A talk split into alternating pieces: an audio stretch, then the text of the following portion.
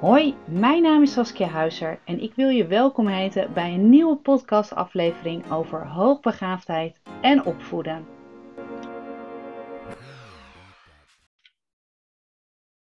Vandaag gaat deze aflevering over of jouw kind voldoende gezien, gehoord en zich begrepen voelt. De afgelopen weken heb ik enorm veel vragen gekregen van luisteraars over diverse onderwerpen en dingen waar ouders mee kunnen zitten. En een van deze vragen uh, was ook dat een ouder aangaf, ja, ons kind zit nu op een speciale school uh, waar veel meer aandacht is over hoogbegaafdheid, maar het gaat nog niet goed met mijn kind. Hoe kan dit, Saskia? Hebben we nou wel de juiste keuze gemaakt? Hadden we niet beter op onze oude basisschool moeten blijven? Nou, daar wil ik vandaag op ingaan, want hoe zit dat nou? Waarom kan het zijn dat, een, dat jouw kind zich nog niet voldoende gehoord voelt? Um, het heeft extra uitdaging gekregen op school en dat kan ook op een reguliere basisschool zijn. Dat kan op een speciaal of op voltijd uh, hoogbegaafdheidsonderwijsschool zijn. Maar het kan natuurlijk ook um, ja, op ieder, iedere ander onderwijsvorm. Het is ook niet alleen dat dit uh, op ja, zeg maar een vraag is voor een basisschoolleerling, maar dat kan ook zijn dat het op het voortgezet onderwijs is. Ons kind gaat nu naar een passende school toe of krijgt passende begeleiding die hoort bij de cognitie, bij, de, bij het intelligentieniveau van, uh, van ons kind, maar toch gaat het niet beter. Wat nu? Wat, wat gebeurt er precies? En um, wat moeten we nu doen? Want we weten het niet meer. We kunnen ons kind toch niet op nog een andere school gaan zetten? En daar wil ik verder op ingaan. Want wat er gebeurt um, bij veel kinderen, en nogmaals, het niveau of de leeftijd maakt niet uit. Dus het is echt voor van basisschool tot voortgezet onderwijs.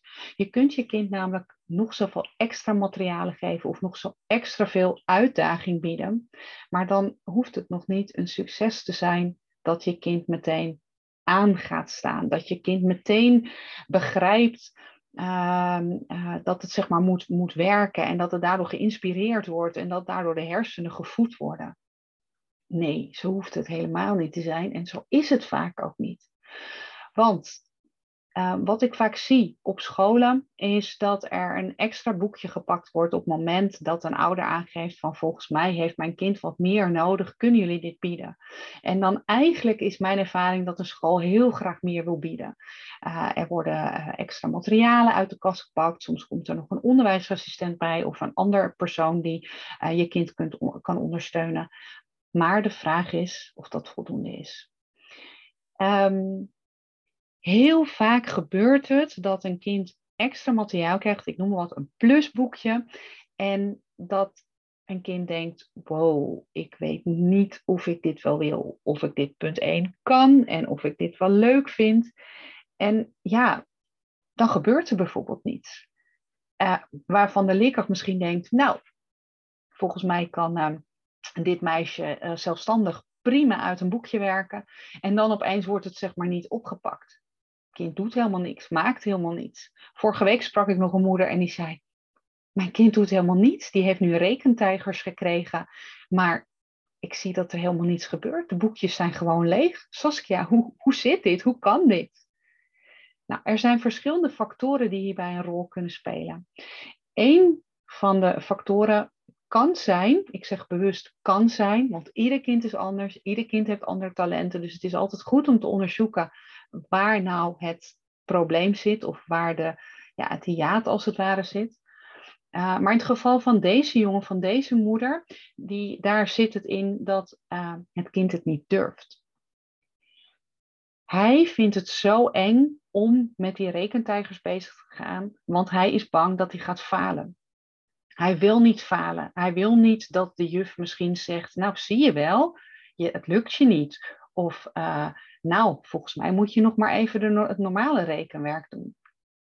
Deze jongen vindt dit echt heel erg vervelend en die heeft hier heel veel last van.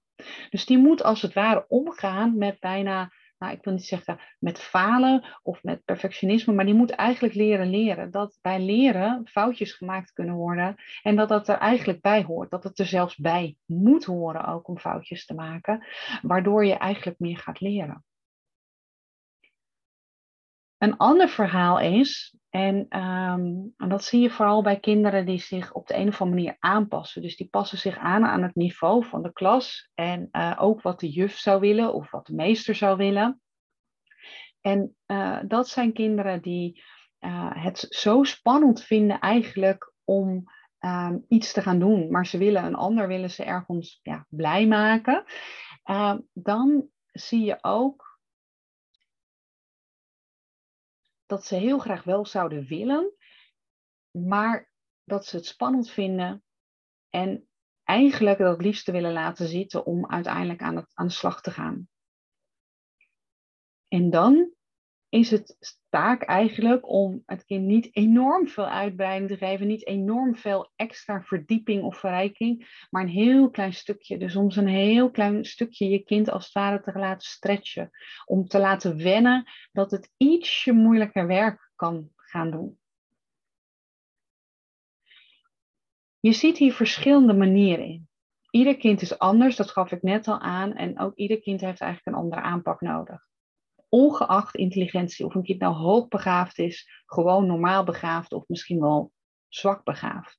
Daar gaat het niet om. Maar waar het wel om gaat, is dat ieder kind gezien, gehoord en begrepen wil worden. En vaak is dat ook wel een oplossing om een kind uiteindelijk misschien net iets extra of net iets moeilijker werk te laten doen.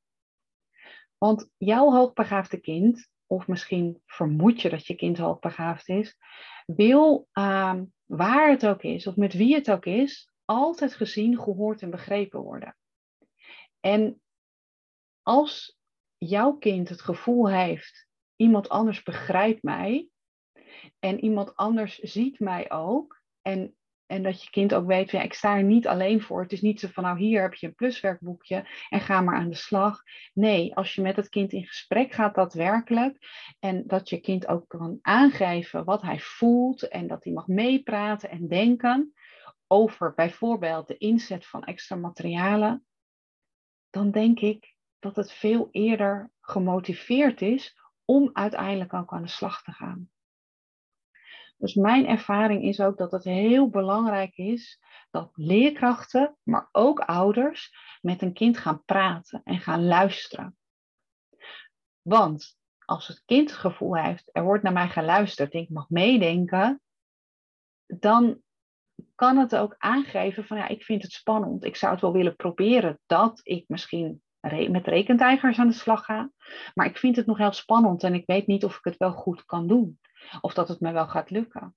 En dan zal een leerkracht of een ouder in gesprek kunnen gaan en kunnen gaan kijken van, nou, wat kunnen we dan gaan doen om jou verder te helpen?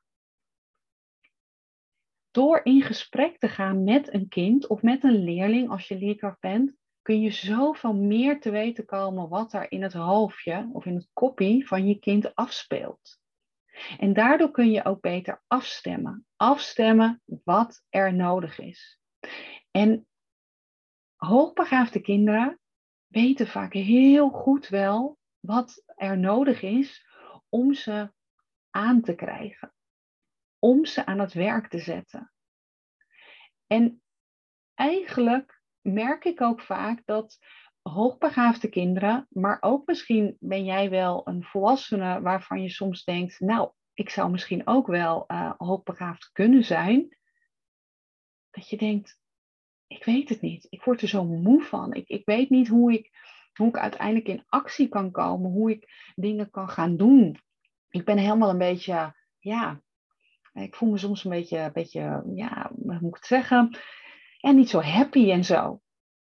En dat kan ermee te maken hebben dat je ergens niet voldoende gehoord, gezien of begrepen wordt door anderen. En dat je dus ergens ook niet goed kan aangeven wat je nodig hebt. Ik kreeg vorige week een bericht van een moeder en zij gaf aan ehm, dat er uh, in haar gezin, nou ja, zeg maar sprake is van hoogbegaafdheid. Uh, zowel uh, de moeder, maar ook de kinderen. En ergens hebben zij het gevoel met elkaar, ze hebben er nooit veel aandacht aan gegeven, aan het hoogbegaafd zijn, maar dat ze zich ergens hebben aangepast aan bepaalde zaken, misschien wel op school, misschien wel binnen het gezin, misschien wel in de vriendengroep of tijdens het sporten. En daardoor uh, ja, hebben ze het gevoel uit te staan. Als je uitstaat, en dat geldt voor ieder persoon, ongeacht de intelligentie, als je niet ergens geïnspireerd door wordt of het gevoel hebt dat je met iemand matcht of gehoord en ook hier weer gezien en uh, begrepen wordt, dan ga je uitstaan. Je wordt moe, um, je kunt je terugtrekken, je kan juist heel druk gedrag vertonen, dat kan ook zeker gebeuren. En ja, dan ben je niet blij.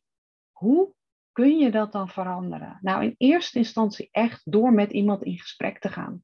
Met iemand in gesprek te gaan waarvan je denkt, oh, daar voel ik me fijn bij. Die luistert naar mij en die heeft geen oordeel. Die heeft geen oordeel hoe ik me voel. Die heeft geen oordeel uh, wat ik zeg of wat ik zou willen doen. Die vindt het niet gek.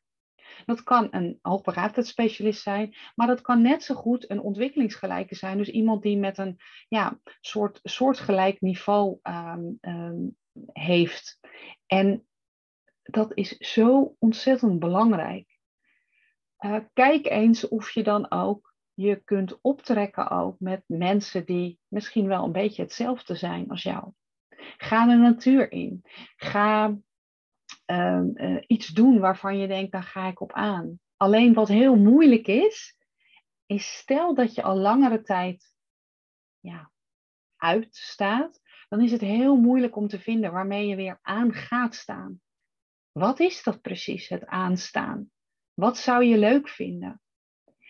En het helpt dan vaak om op te schrijven dingen waarmee je energie krijgt, je energiegevers, maar ook in kaart te brengen wat je energieslurpers zijn, dus wat, wat zeg maar energie wegneemt bij je. En op het moment dat je daar met elkaar over praat, zul je ook beter zien, oké, ik moet dus iets doen aan die energiegevers, want die moet ik verder stimuleren. En dat moet je dan eigenlijk gewoon weer ja, weer leren om daarmee om te gaan. Voor ieder kind en voor ieder mens is het verschillend. Ik kan hier heel veel tips geven en ik probeer zoveel mogelijk ook altijd te delen. Maar het kan best zijn dat het niet past bij jouw gezin, bij jouw um, manier van denken, manier van doen. Mijn ervaring is, en dan kijk ik echt heel erg naar mezelf. Ik heb namelijk ook een periode echt volledig uitgestaan was toch weer om heel erg back to the basic te gaan. En om te kijken van nou, waar zie, vind ik inderdaad mensen die mij gewoon begrijpen, die, die, die mij zien, die mij um, nou ja, gewoon zien zoals ik ben, zoals ja, en niet, niet dus als ik van, oh, die kan soms wel eens een, een raar soort humor hebben of die begrijp ik niet helemaal. Nee, ik ben op het moment dat ik weer op zoek ging en, en ook mensen tegenkwam die dachten zoals ik dacht, en die mij ook ergens de voeding gaven uh, qua opleidingen. Ik ben op een gegeven moment ben ik naar een volwassen opleiding gegaan, terwijl ik nog, ja, ik, ik was gewoon nog jong. Uh, maar ik merkte dat ik me daar veel meer gehoord voelde. Ik ben, um, nou, ik ben zelf niet gaan schaken of zo, maar ik kan me voorstellen dat als kind, als je bijvoorbeeld naar schaken gaat, of je gaat naar um, een soort ontmoetingsclub voor ja, gelijkgestemden, dat je gewoon ook lol kunt hebben. En hoef je niet alleen maar te praten over de dingen die je bezighouden, maar gewoon mensen die jouw soort humor uh, begrijpen. En het is zo ongelooflijk belangrijk dat je het gevoel hebt dat je aan gaat staan. Aan gaat staan om die uitdagingen waar ik in het begin van de podcast over praatte, uh, die een leerkracht geeft of die een, een ouder bedenkt, dat je daar weer nou ja, durft naartoe te gaan, dat je dat durft aan te pakken.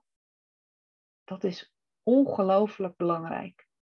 Alleen dan moet je ergens moet je het gevoel hebben dat je ja, gehoord wordt. Ik hoop dat je in deze podcast hebt gehoord of, of hebt opgenomen of hebt gezien of ervaren. Ik weet het niet wat het met jou doet of wat het met jouw kind zou kunnen doen. Maar dat het zo belangrijk is, is om in gesprek te gaan in gesprek te gaan, of met jezelf als je geen zin hebt om met anderen te doen, of desnoods met een, met een ander, uh, maar om te kijken van hé, hey, hoe kan ik weer dingen aangaan? En dan zodat je gaat aanstaan in je hersenen. Zodat je ehm, ja, weer ergens een klein sprankelingetje krijgt, waardoor je misschien weer iets durft. Samenvattend, luister naar je kind of naar jezelf ehm, en probeer te kijken, probeer antwoord te geven wel op de vragen. Hoe zou ik willen worden gezien? Hoe kan iemand mij horen? En hoe kan iemand mij begrijpen? Wat verwacht ik dan van de ander? En ik denk als je hier naar kijkt en dus in gesprek gaat, dat je al een stapje verder komt. Bedankt voor het luisteren naar deze podcast. Ik hoop dat je er iets mee kunt. Ik zou het heel fijn vinden om een reactie te krijgen. En als je vragen hebt over dit onderwerp, dan mag je deze altijd stellen. Mocht je deze podcast interessant gevonden hebben, dan uh, zou ik het super fijn vinden als je een review wil achterlaten. Dat kan tegenwoordig ook bij Spotify. Je kan dan op de drie uh, puntjes drukken en dan kun je aangeven dat je, uh, ja, hoe je mijn podcast zeg maar vindt. Dat kun je met een sterwaardering geven. En uh, dat kan trouwens alleen als je ingelogd bent op Spotify. Je hoeft geen betaald account te hebben, maar je moet in ieder geval wel een bepaald aantal seconden naar mijn podcast hebben geluisterd. En dat kan ook via de uh, Google uh, Podcast en Apple Podcast. Dankjewel voor het luisteren en graag tot een volgende podcast.